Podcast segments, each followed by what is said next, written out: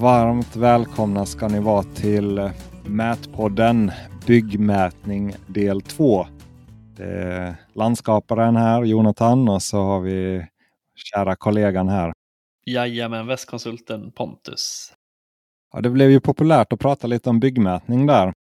Eller ja, det blev så många kommentarer i alla fall. Jag tror det, det var många tips och tricks som du delar med dig av. Jag tänkte bara alltså, göra ett likadant avsnitt och följa upp det.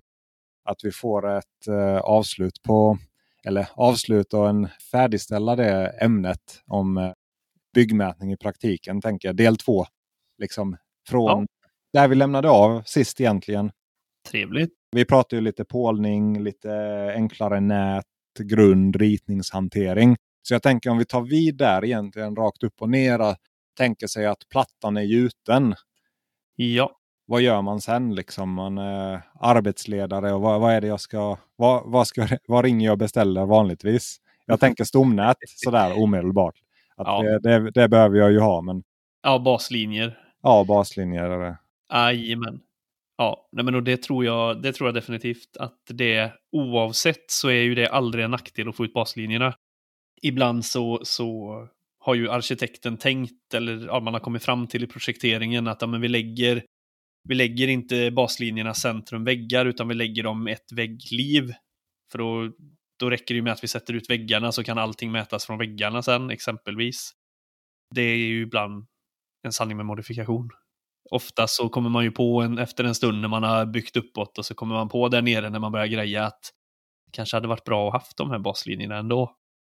Så eh, nej, det är väl en sån baslinjer och höjd. Bara en, en koll på vad blev, vad blev plattan på.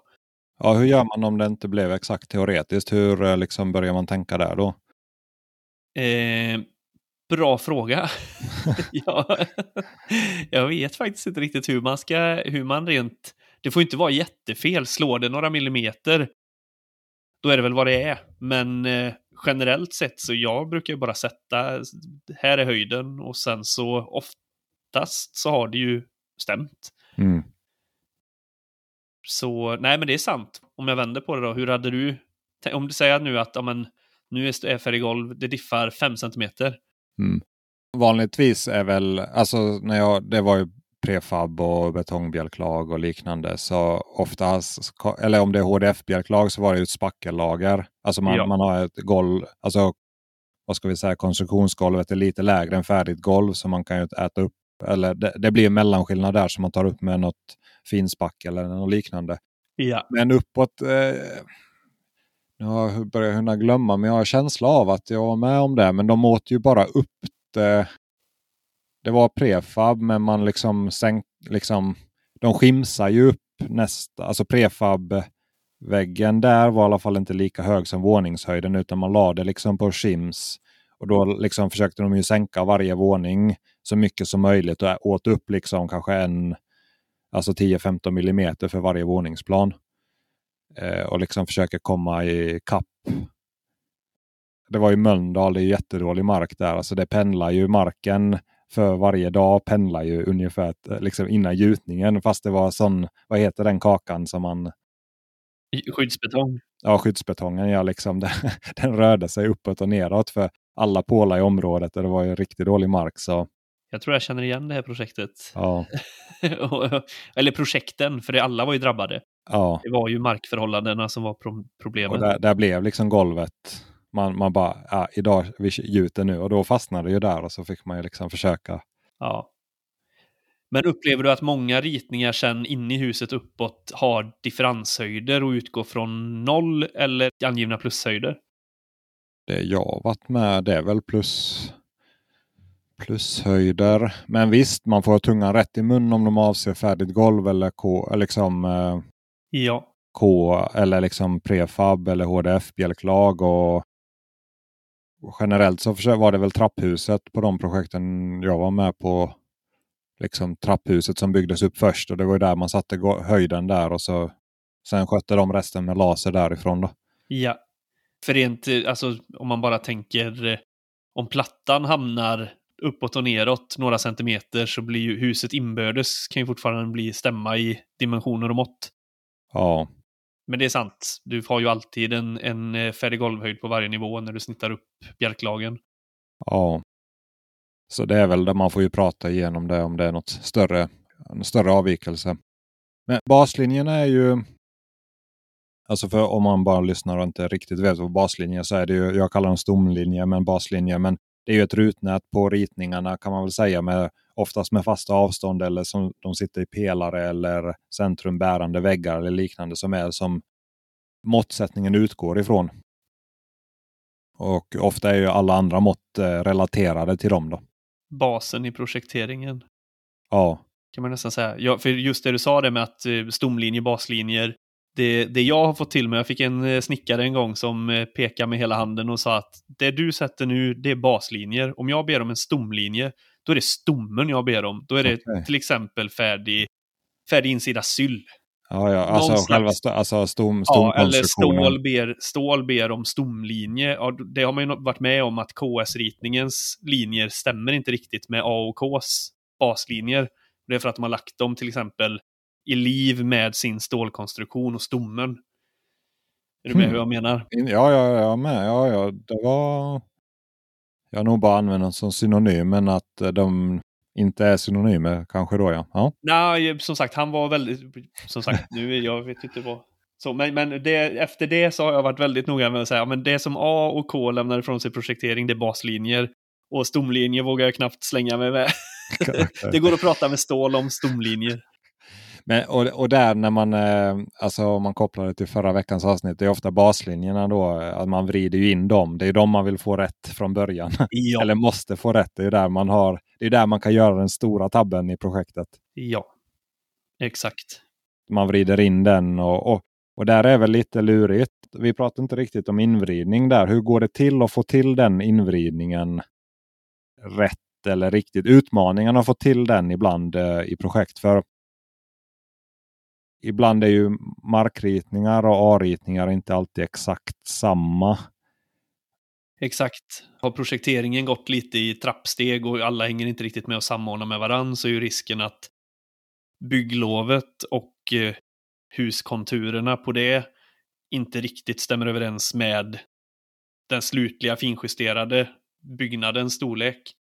Och då får du ju direkt en, då, då hamnar man ju ibland i ett läge där man behöver jämka lite, man behöver centrera in byggnaden mot bygglovet, för bygglovet styr ju placeringen i världskoordinater. Men ja, har du en diff däremellan, ofta så är det ju, kan jag, om man kommer från, om vi ser det från, från mätsidan, så kan det ju där vara skönt att försöka, kan A lösa den här, kan ni bestämma vart SVRF-koordinaterna ska vara? Så att man får en koordinatsatt placering på det. Sen om man då, det vi pratade om sist också med fristående sakkunnig, då ska man ju ändå, har man det ansvaret så ska man ju ändå gå in och kolla att det inte frångår bygglovet. Men det kan ju vara en sån grej att eh, de inte riktigt är samkörda under projekteringsstadiet. Man kan ha bytt panel och så byggde det två centimeter runt om hela vägen. Eller halva bygget, eller ja. Så det kan ju vara en sån grej.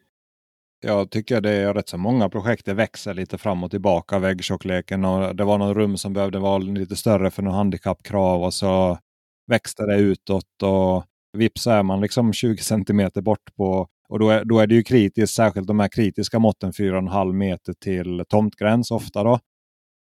Är det 6 meter och det går till 5,80 brukar det aldrig vara problem.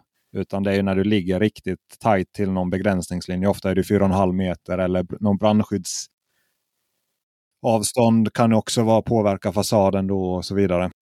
Jajamän, jajamän. Men som sagt, har du bara fått, precis som du sa, har du fått projektets baslinjer koordinatsatta så kan ju egentligen, ska ju allting därefter gå koordinatsätta med de baslinjerna. Sen rent praktiskt finns det olika sätt och det, lös, det löser man ju i olika program på olika sätt också. Transformationen mellan en koordinat 0 eller projektets koordinat 0 där alla sitter och ritar i millimeter kontra SVRF-koordinaterna i, i meterskala. Så så länge alla jobbar i samma nollkoordinat så innebär det ju att om du börjar med att lägga en A-ritning så hamnar ju K-ritningen uppe på, så hamnar VS-ritning på. Ja, alla lägger ju på varandra och sen så har du ju samma baslinjer, precis som du sa. Det är ju, där får du ju måttsättningar sen då så att alla ska liksom prata samma språk från linje 1A. Exempelvis. Och då kan du ju med hjälp av att du vet att det är samma position i noll så kan du ju också använda det som ett transformationssammanband upp till din SVRF-koordinat då. Mm. Antingen manuellt i exempelvis ett CAD-program, att du bokstavligt talat skalar ner. Har du en VS-ritning så lägger du på baslinjerna, du skalar ner den så att du får den i meter och sen bokstavligt talat flyttar du upp den till rätt position i världen och lägger rätten mot ett par invridna baslinjer. Hur gör man om man ger geo då? Ja, men Geo är ju väldigt smidig där. Att man kan ju skapa transformationssamband där. Att man, man har gemensamma punkter och så skapar alltså från den millimeter i nollan sätter man två, två baslinje skärningar så långt borta som möjligt från varandra och sen motsvarande punkter i det som är i SVRF och sen skapar man transformationssamband som man sen sparar vilket gör det väldigt mycket enklare att man när man får nya ritningar, revisioner och liknande, att man kan köra samma samband på dem. Det tycker jag är den stora fördelen i Geo. Jag ska inte säga, jag har inte sett den i Gemini hur man gör ett eget samband. Expert Nej. Fusion har jag lyckats göra samband med. Med en CAD som jag använder mest kan man ju inte göra det. Det är det farliga. Alltså, en gång går ju alltid bra, två gånger, men sen när man börjar göra det och man blir stressad och ska vrida grejer, det är då man gör fel. Och man har inte tid att kolla det i fält. Och ska, du, ska du göra en sak hundra gånger så ja, vi har ju 95 regeln att det är fem, fem gånger av hundra så blir det inte riktigt rätt. Men det man kan göra i CAD som kanske inte många känner till är ju att man kan ju via om man XRFar in så kan du ju ha en annan skala och en annan baskoordinat och vridning. Så det har jag använt rätt så mycket nu på sistone då att man när man ska samordna med A framför allt att man har sparat en gemensam XRF-koordinat så man sen kan bara klistra in, in som koordinater och då blir vridningen och skalningen rätt så man inte behöver liksom aligna eller flytta eller skala liksom för hand. Då. Ja, så det är, en det är sån, smart. Det, det, den är smart ja. Mm. Ja, den är ju jättebra. Nej, men som sagt, det jag gillar med det att ett transformationssammanband och lite så som man jobbar i bland annat då, att du får ju direkt en indikation på om sambandet mellan till exempel punkt 123 projekt 0 och punkt 123 Sveref, om de om du har någon skaldifferens däremellan eller om de ligger inbördes korrekt. Du får ju direkt en rapport innan du gör din invridning så får du en rapport. Här är det 0 mm differens eller ja, här har du här har du, fel är ju inte att säga, men det, det blir ändå en skevning mellan dina punkter om du har gjort fel någonstans det är en ganska, om vi nu pratar återigen då lite egenkontroller och, och ha koll på att det man gör blir rätt så tycker jag att det är väldigt bra där. Du får en snabb indikation på att det här, det här ska du nog kolla över igen eller ja, men det här är bra, kör. Sen ska du ju ändå lägga på dina grejer ändå sen och titta en gång till. Men, eh, och så går det fort. Har du ett samband så kan du ju bara mata på med, du kan ju vrida tio ritningar med ett knapptryck. Nej, det är ju det som är fint. Då. Särskilt när man får mycket ritningar. Det kan ju vara eh, Revit-exporter så det är ju lätt för K och A att producera mycket modellfiler. Så då måste man vrida in väldigt många filer kan det vara. Men jag tänker om man går till baslinje då, där när man sätter ut dem. Vad, vad tycker du är praktiskt att tänka på? Det jag tänker på eller vill komma till är till exempel eh, en gång när jag var nybörjare och så kan man inte sätta ut alla baslinjer på en gång på ett våningsplan. Om man inte har ett bra nät, och man inte liksom dubbelkollar lite och tänker till hur man använder instrument så träffar de baslinjen. Om du sätter ut idag, hälften idag, hälften imorgon så kommer inte de matcha varandra. Nödvändigtvis. Och då börjar de tanda. Vad får du för tankar när jag säger så? Eh, många gånger så får jag tanke att det vi pratar fortfarande någon millimeter så det är lugnt. Det är min spontana eh, tanke att alltså, sätter man ut för de här baslinjerna med så långt avstånd som möjligt, att det fortfarande går att smätta med ett snöre exempelvis, för det ofta gör de ju det, tar ett smättsnöre och smätter ut dem. Eh, och sen att man Men har du något i vägen så kan du antingen göra ett offsetmått eller sätta ut fler punkter då så att du på varsin sida om ett schack till exempel kan smätta två linjer. Och om du då har gjort, om du då har den här lilla diffen som du säger på det långa avståndet x antal meter och så diffar de teoretiskt mot teoretiskt läge 1-2 millimeter. Alltså på det avstånd, det gör ingen skillnad. Spontant skulle jag säga att vi ofta tänker kanske nästan lite för noga i vissa avseenden. Sen är det ju en annan sak som kommer upp i huvudet, det, det går ju faktiskt, har du smätt ut några baslinjer så du har några skärningar, då kan du ju faktiskt etablera på de skärningarna. Eh, säger inte att det nödvändigtvis måste bli bättre, men då, har du ju, då blir det ju rätt enligt föregående utsättning. Om du etablerar på utsatta skärningar. Men eh, helst vill jag ju jobba med mitt byggnät bara. Ja. Jag fick en tanke där. Alltså, vi, vi är ju bortskämda med bra instrument. Alltså idag så har väl, jag vet inte hur många som har sämre än en sekundare idag i produktionsmätning. Nej, jag tror Icon, jag tror visst någon eh, Leica-robot är väl standard två sekunder tror jag. Ja, men det kanske går att köpa. Men, men generellt så är det ju en sekunders. Ja, det är ju, ja, jajamän. Men tittar man på motsvarande, alltså produktionsutsättare, byggutsättare utomlands, alltså i England där det kallas Site Engineer eller i USA också Site Engineer. Det, det, det är liksom en yrkesroll som är arbetsledare slash utsättare. De håller koll på ritningar och eh, budget och eh, gör utsättningen. Eh, men de har ju ofta tre eller fem sekunders instrument och tvåmansinstrument. Och där blir det ju inte samma noggrannhet då över 100 meter på ett större plan. Så det finns en, en Youtube-kanal, vad heter Lean Survey. Han utbildar inom mätningsteknik. Det är väl på plats i Kalifornien, men han har lite Youtube-filmer. Men han visar till exempel hur de sätter ut stomnät och då, då gör, om du tänker dig hur, du, hur skulle du gjort en husgrund med ett måttband? Alltså du mäter mått, alltså du lägger ut eh, dina linjer och sen tar du diagonaler och kollar och så liksom anpassar du in det och mäter från flera håll och ser att diagonalerna blir rätt. Ja. Det är så de gjorde med sina femsekundare. Då.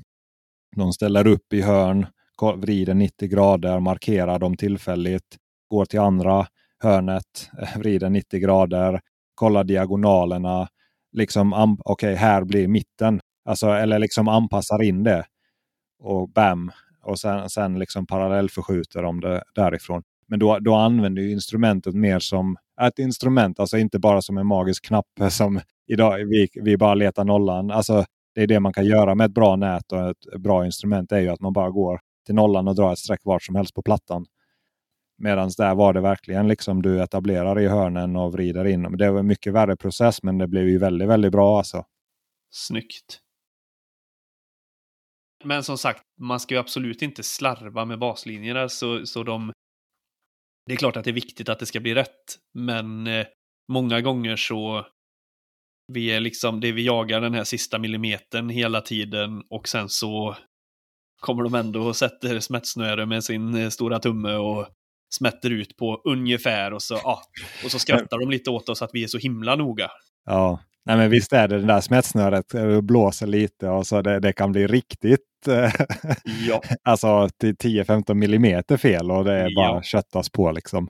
Sen kan man ju vända på det igen då. Om vi redan börjar slarva och sen så fort, alltså felet kommer ju bara växa så det är klart, det är ju jättebra att vi är väldigt noga i starten för då är ju risken mindre att det blir ett väldigt stort växande fel. Slarvar vi så blir det, då har vi en dålig start från början. Så är det ju. Men något mer eh, om man nu förflyttar sig kanske från grundplan till nästa plan där det ofta händer kanske lite mer? Ja, alltså det, det vi miss, eller det missar, men det som, det som kan komma mycket just på, på gjutna plattor, det är ju bärande pelare, oavsett om det är betong eller om det är stål.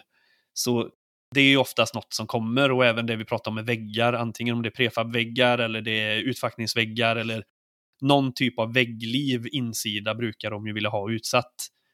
Vissa kör allt från baslinjer för att man kanske tänker att man sparar lite pengar eller ja, jag vet inte, men ofta kände jag i alla fall sista åren när jag var på mycket byggen så var det ju att ytterväggarna vill vi få ut och även är det prefab väggar så var det många gånger, men sätt alla väggar, vi vill ha alla prefabväggar utsatta. Och sen exempelvis smidet då, att det finns ingjutet, eh, antingen ingjutningsgods med färdiga dubb, höll jag på att säga, eller om det Ja, det är också en sån dubbplan, men nu, nu har det bara dyker upp grejer i huvudet här. Men, men, eh, men pelarna då till exempel, om det kommer att det ska sättas eh, smide och svetsas fast på svetsplåtar, då ska ju det sättas ut också innan smeden kommer.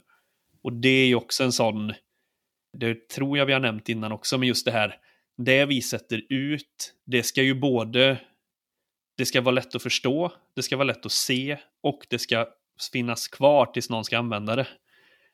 Så, så länge det är möjligt och så länge man får så kan det ju vara bra att man har med sig olika färger på pennor kanske, man har med sig klarlack, man kanske har med sig en borrmaskin och små dubb. För ja, vi måste hela tiden, så långt, vi, så långt det är möjligt och så långt vi får, så måste vi ju se till att sakerna som sagt går att förstå, att de syns och att de är beständiga, så länge det behövs. För det kan man ju slarva med ibland.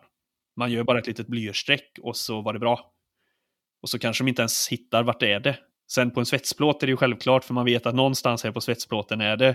Men bara det att inte bara göra liksom några punkter på svetsplåten, utan måla ut. Ta, gör, gör ett kryss, fyll i det, ta liksom ett vattenpass eller vad som helst, gör ett ordentligt kryss, klarlackare. det. Det är ingenting, alltså det ska stå i väggen, du behöver inte vara rädd för att det blir liksom fult eller att här, ja, Gör så att det syns och så att det är kvar även om det kommer en regnskur ikväll. Ja, det, det är jättebra poäng. för ja, det är ju jag har gjort flera poster om det där med pennor och testat pennor. Där, man, ja, jag vet det. Blöt betong är ju liksom det, i princip det värsta, värsta ja, det som hemskt. finns. Jajamän, och, och som sagt, många gånger så är det så här, är det okej okay om jag borrar? Är det någonstans här det färdiga ytskikt eller kan jag borra och, och spraya? För det är liksom, Gör ett litet, en liten nedförsänkning med, med en borr 5 mm. Stoppa ner en liten skruv eller vad, det behöver inte vara något allvar. Alltså, kör bara någon... Sådana små expander, betongexpanderspik, typ 4, är de 4 mm. De, är, de pass, alltså typ 4 eller 5 mm hål. De är ju jättebra för de är väldigt enkla att och använda och sen också plocka upp om man vill. Eller om man spikar fast dem så sitter de ju där väldigt bra. Jajamän, jajamän. Nej men liksom bara någonting så att den är där. Och sen ja, men ringa in den med en färgglad spray och färgkoda. Kör liksom, vet du att det här har jag satt ut för smidet. Gör, säg allt för smide är rosa. Eh, det här har jag satt ut för snickarna. Allt för snickaren är grönt. Försök att göra det lätt för alla att förstå. Ja, för, för det är ju det. Det är ju kommunikation. Det är, alltså, det är ju som, precis som med ritningar. Varför gör man ritningar? Om du, om du bara kunde gjort en mindtransfer till en byggare så skulle man ju kunna gjort det. Men ritningen är ju till för att förklara för någon att göra det som beställaren i slutändan ville ha. Eh, och det är, utsättningen är ju också det att det spelar ingen roll om strecket finns i blyerts men ingen hittar det. Då, är det ju, då finns det inte. Utan, och, och hittar man det men man förstår inte vad det är. Är det insida, utsida, centrum? Eh, då är det också helt värdelöst. Precis, och det är också en sån här grej. Det är ingen som kommer att bli arg för att du skriver ut i klartext vad det är. Och är det minsta lilla, precis som du sa nu, du gör ett streck. Ja, men gör någonting mer som förklarar. Är det insida, är det utsida? Är det... Vad är det du sätter den här, en, ett kryss? Ja, men är det centrum någonting? Skriv det. Och jag, jag tror som, ehm, jag vet inte, junior eller när man blir hemmablind kanske är rätt ord, så, så tänker man inte på det. För det är ju självklart för dig. Du har liksom, det är ditt dagsjobb och du har förberett för det här. och där, Men, och kanske är det för arbetsledaren också som vet som beställer det. Men sen är det ju massa andra gubbar där som ska använda det där. Och arbetsledaren kanske inte är där och han har inte förklarat och så vidare.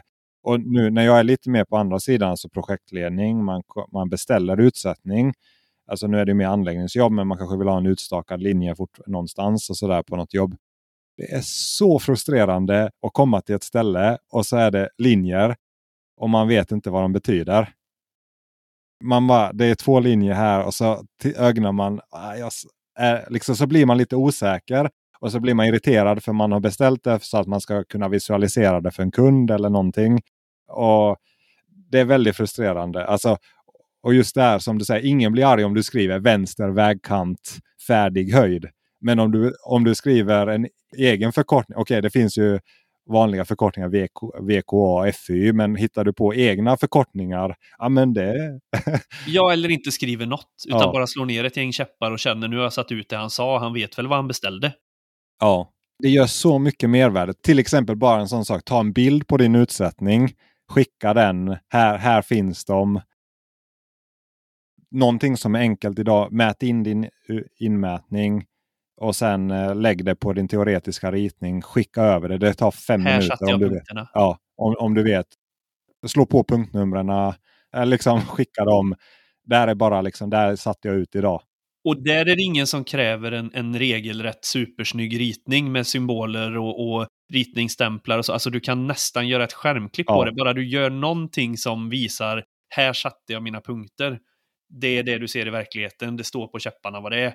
Som du säger, det är inte många minuters extra jobb, men det kan, det kan vara det som gör att de bara ringer dig framöver. Ja, det är det som skiljer agnarna från vetet definitivt. Alltså att Förstår man inte vad det är, måste man ringa, måste man dubbelkolla. Det, börjar man tvivla, alltså tvivel är också det värsta inom mätbranschen. Det, det handlar om att liksom upprätthålla en eh, fasad, är fel ord, med tillit, alltså en övertygelse. För man får känslan att det, är liksom, det börjar spridas ett rykte i en barack. Det är helt omöjligt. Och, ja, men han, han är lite osäker. Ja, kan vi lita på det? Och så blir det en sån bild och sen kan du inte rädda upp det.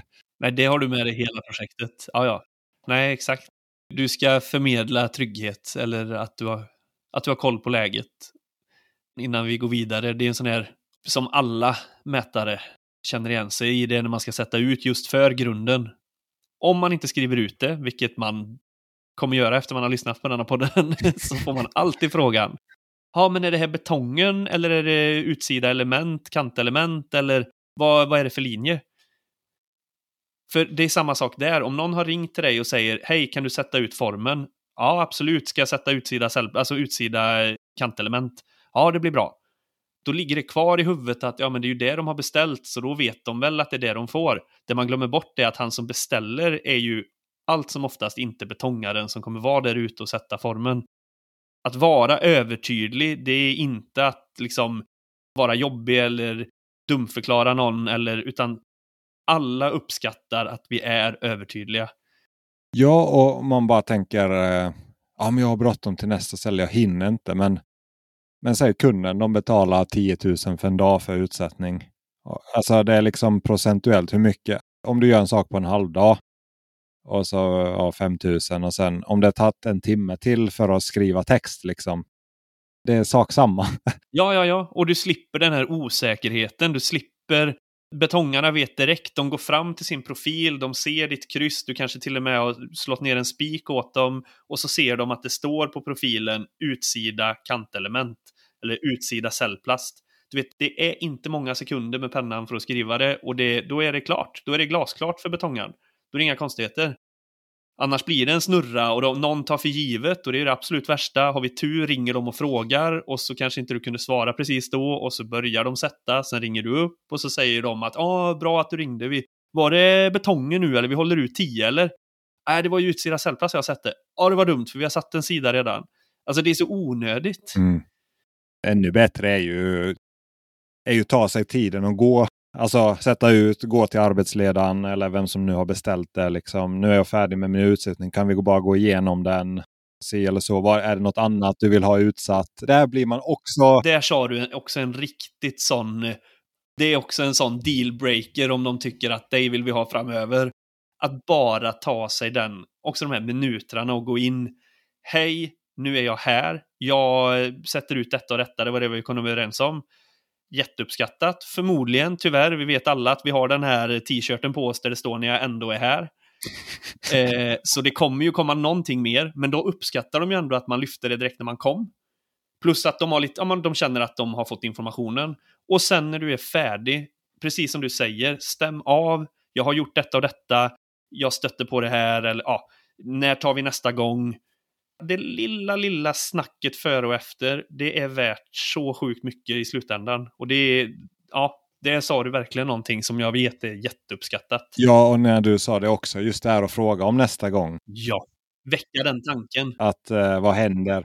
Bara liksom veta vad som händer. Ja, men vi lägger rören där om tre dagar. Alltså, annars, det är så man bäddar till en bra vardag också. Att man själv tar reda på vad som händer och räknar ut. Ja, men då, då kommer du behöva lite inmätning där och det, visst vill vi göra det i schakten den här gången. De kanske inte ens har tänkt på det, utan Nej. det är först när du frågar som du väcker tanken. Ja, just det, du, vi gör ju detta om tre dagar. Du, det är nog bra om du kommer då. Annars hade du fått det samtalet om två dagar. Ja, exakt.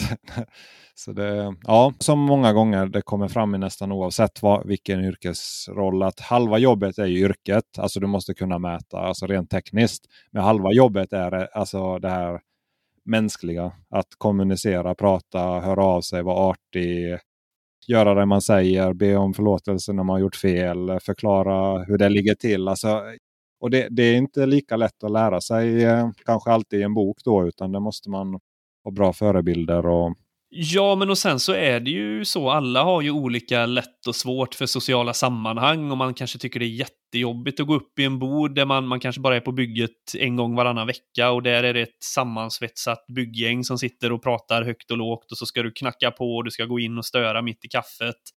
Någon eh, lägger någon eh, sån här klassisk byggkommentar. Åh, kommer du och stör mitt i kaffet? Får vi skriva tid nu då, eller? Jag kan fatta att man ibland bara, ja men de vet att jag har varit här, jag har gjort det jag ska, undrar de något så, så ringer de väl och så åker man bara. Alltså så har man väl känt själv också att man, nej men idag, jag, jag skiter i det, de får ringa om det är något. Ja, man får nog försöka och bara tänka att det här är en del av mitt yrke. Att eh, ja, ta sig den tiden och att, att, som du sa kommunicera och informera, det, det är en del av det vi gör. Helheten är det som, som blir vårt yrke. Ja, gled in på de mjuka värdena, men de är ju otroligt viktiga som, som vi pratar om. Definitivt. Men eh, om jag eh, bollar tillbaka till dig lite då, för när du kommer upp på något typ av bjälklag, oavsett, om vi, om vi tar filigran till exempel, vad, eh, vad är din erfarenhet av, vad är liksom standard på ett filigranbjälklag som de, det här, det här vill man ha? Nej, men först är det väl själva filigranen och det, det är ju själva den här underkanten av eh, det kommer ju på kran ofta då man lyfter dit eh, en betongplatta som är självbärande som står på stämpen och som har underkantsarmeringen färdig. Då. Som man sen eh, lägger i installationerna i och gjuter i och så är det ju nästa våning. Så det är underkanten på valvet eller hur man uttrycker det. Men då är det ju vart filigranen först ska vara är väl det. Så man får ju klättra på någon stege och sätta det på någon stämp eller, eller inte stämp, men vad heter det? Hammarband, ja. ja, på själva bjälkarna som sitter på stämpen. Där har jag direkt en invändning att jag anser ju att det inte är jättetryggt och smart och lätt att jobba med att man vill få ut saker uppe på väggarna. För det har jag ju blivit ombedd många gånger. Ja, men kan du sätta start och stoppsträck för de här filigranplattorna, mm. alltså bjälkglasplattorna? Ja, hur hanterar man det? Ja, där gjorde jag, det, det är jätteosäkert. Det är ingen kul alls. Som i första avsnittet av podden så jag berättade en gång när jag höll på att ramla ner. Det var ett bjälklag som, tillfälligt bjälklag som ramlade ner i en hisschakt. Aj, aj, aj. Det, det var där jag skulle stå och eh, sätta ut för filigranerna. Alltså. Första gången jag blev ombedd så visste jag, för jag hade ju andra på firman som har pratat om det här med filigranutsättning. Då sa jag att jag kan göra så här, jag kan sätta start och stoppsträck på plattan. Och sen får ni loda upp det med laser eller med eh, vattenpass. På ett bygge så körde de med, med laser och på ett bygge så tog de bara vattenpasset och drog upp på väggen. Och helt plötsligt så utsättningen gick fort. För att jag kunde göra den i samband med, det stod inga väggar, ingenting. Det är ett öppet, öppet gjutet bjälklag eller platta eller vart vi nu står då. Så det går fort att utföra och sen när de har ställt dit väggarna så går det väldigt snabbt för dem att loda upp det. Och ja, det funkade väldigt bra på de byggena jag gjorde så. Det lät mycket bättre än mitt sätt. Några gånger bättre. ja.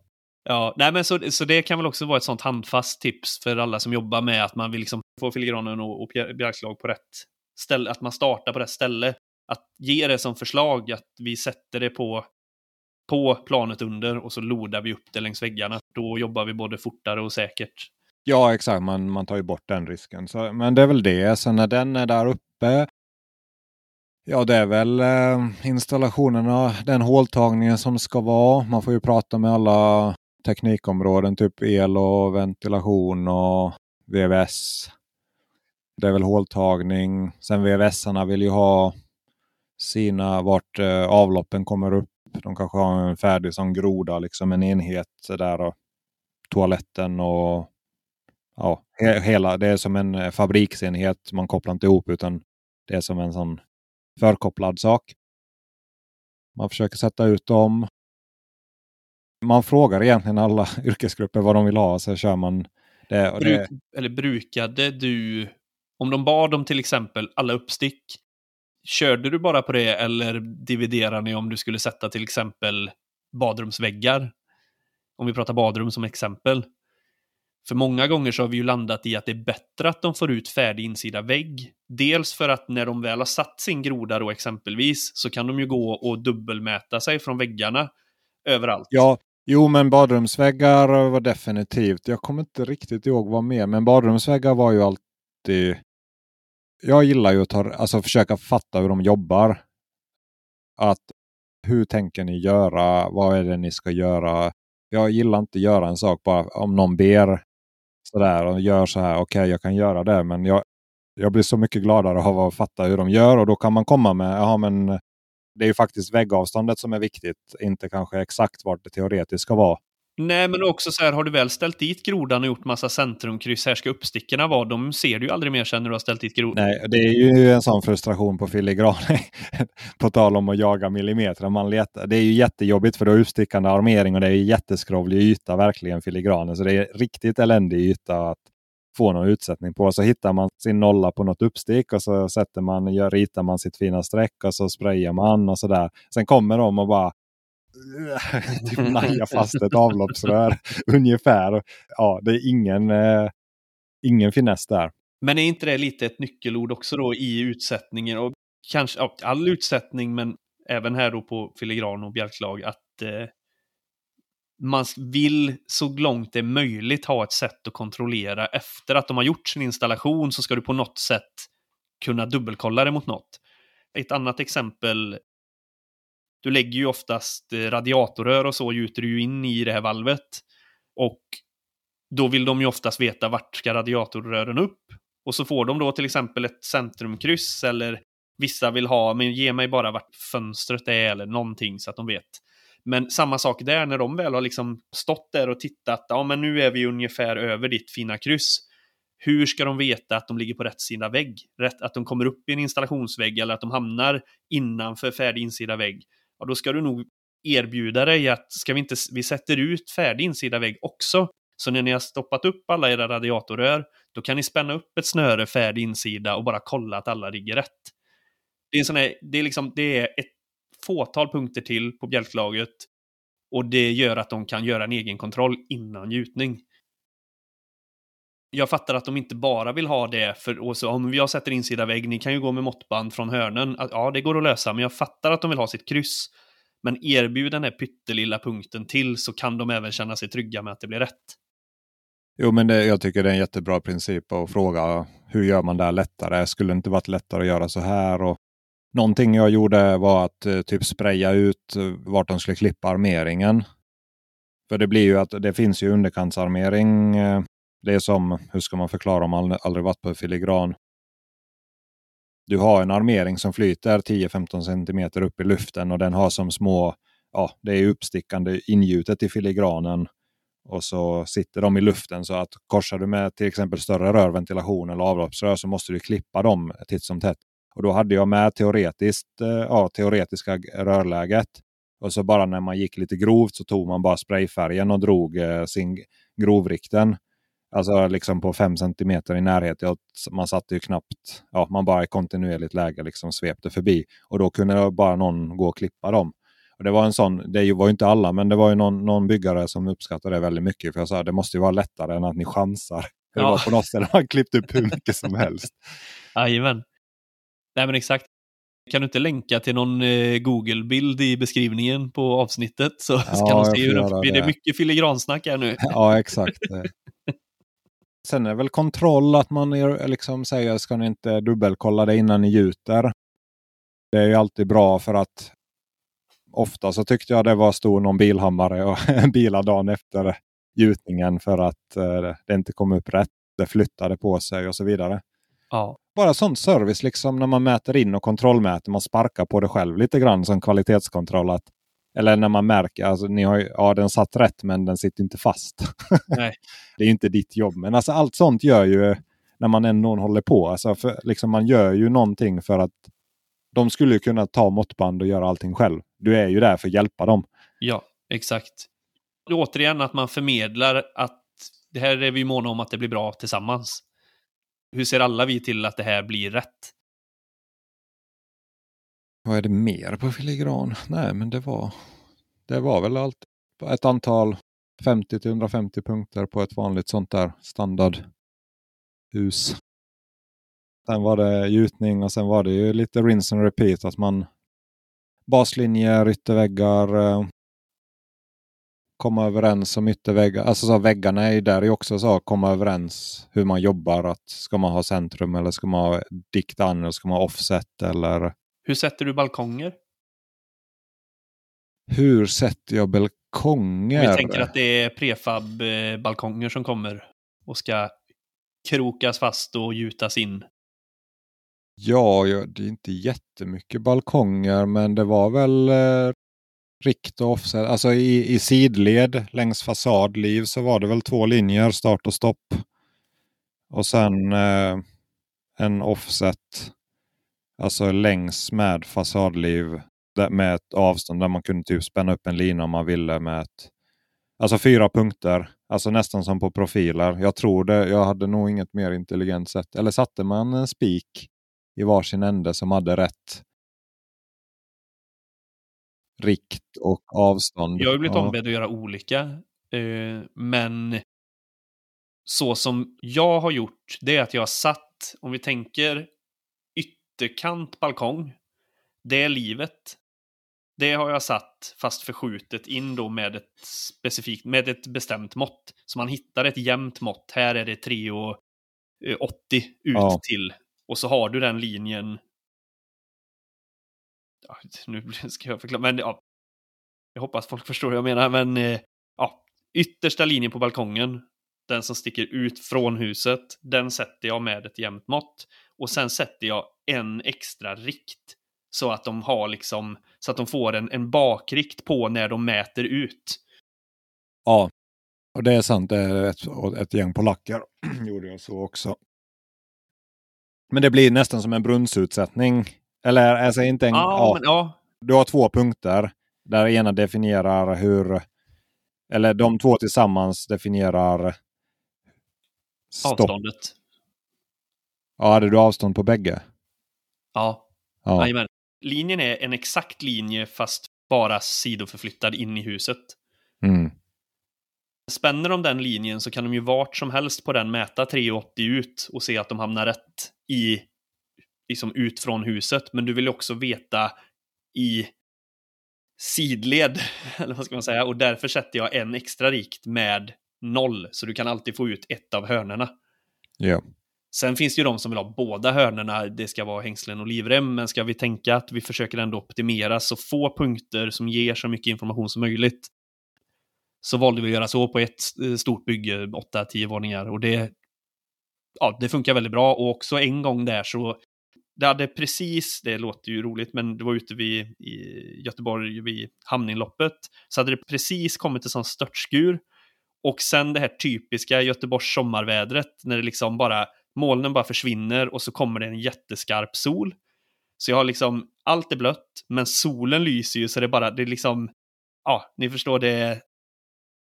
Allt blänker, det är svårt att se och skärmen är full, den är liksom vattendroppig fast solen bara steker. så jag står och snabbt försöker att bara hitta nollan, nollan, nollan, perfekt, perfekt, perfekt. Och sen så när hör jag hur de står där uppe och svär liksom när de håller på att sätta balkongen. Då var det också så här, Pontus, finns det någon anledning att du har satt den 30 centimeter längre ut? Alltså det ser jättekonstigt ut. Går upp och tittar, ställer mig på min punkt och bara Ja, du har rätt. Det står inte 000, det står 3, alltså 0,300. Ja. Men det var också så här, jag var helt säker på att det var nollan. Där var det ju skönt att de var med hack i häl och att de liksom monterade samtidigt som jag satt ut. Annars hade jag ju fått det samtalet sen och inte förstått varför.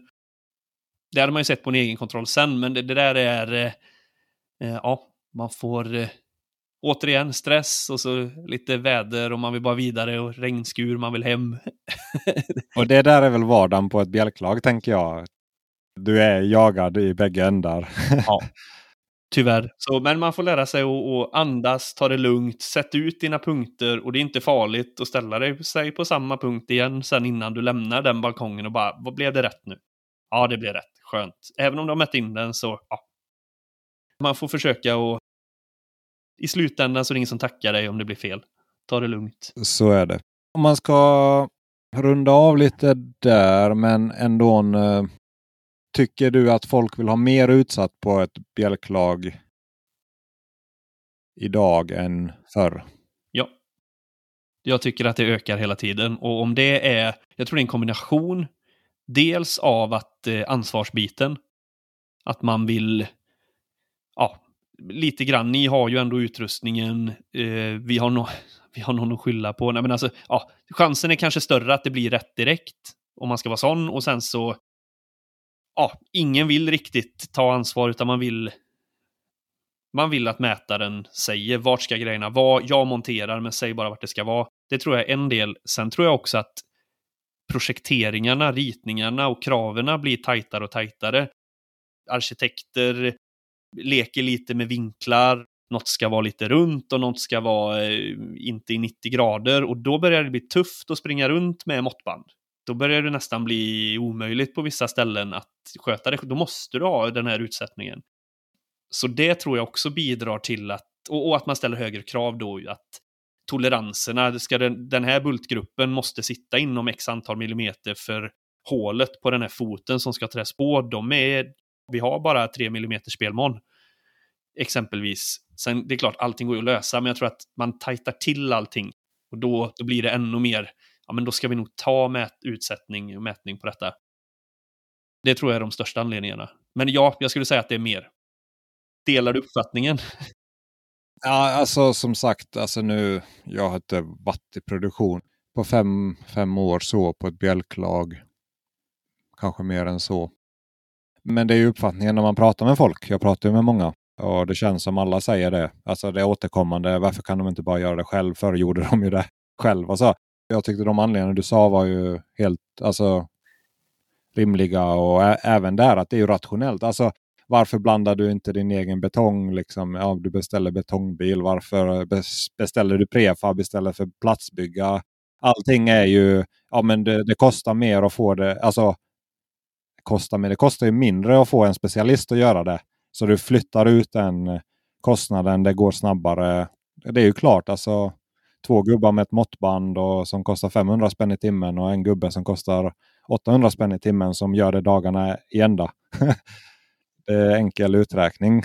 Exakt. Nej, så det, det tror jag. Sen som sagt, jag har inte sprungit på bjälklag heller på jättelänge, men, men återigen, alltså bara under de åren som jag mätte mycket så märkte jag ju stor skillnad från första det här, tja, kan du sätta en plushöjd och baslinjer? Och sen hörde man inget mer förrän bara, ja ah, du, vi, kan du sätta lite takstolar? Typ. du, du, kan skita skit i baslinjerna, sätt, en, sätt två takstolar så har vi dem att utgå från. Ja. Till att typ, vi vill ha, sätta allt. Kolla som du sa, Hej, kan du komma och sätta ut? Hej, nu har, de, nu har alla gjort sina installationer på valvet. Kan du komma och kontrollmäta innan gjutning? Nu har vi gjutit. Kan du komma och sätta allt på gjuten platta? Så helt plötsligt var det ju jättemycket mätning. Så nej, jag skulle säga definitivt att det ökar. Eh, men det båda ju gott för alla mättokiga. ja, exakt. Det är ju en sån bransch. Vad tycker ni om de här sakerna, ni som lyssnar? Skriv in så tar vi upp de tankarna kanske i något kommande avsnitt där. Då. Men det var, det var ett bra avsnitt. Det var mycket handfasta tips. Jag får försöka länka några bilder här också. Ja, men jag tror det. Så ser alla vad, vad vi pratar om. ja, exakt. Och eh, tror det får bli ett avsnitt om eh, lite mätosäkerhet. Här har vi fått lite, några frågor kring det. Ja, spännande. Så det kollar vi om vi kan få till här framöver. Men eh, som alltid, Tack för att ni tar er tid att lyssna och sen också skicka in frågor. gärna om, om ni har någonting eller kommentarer så tar vi upp dem också. Jajamän. Tack så mycket.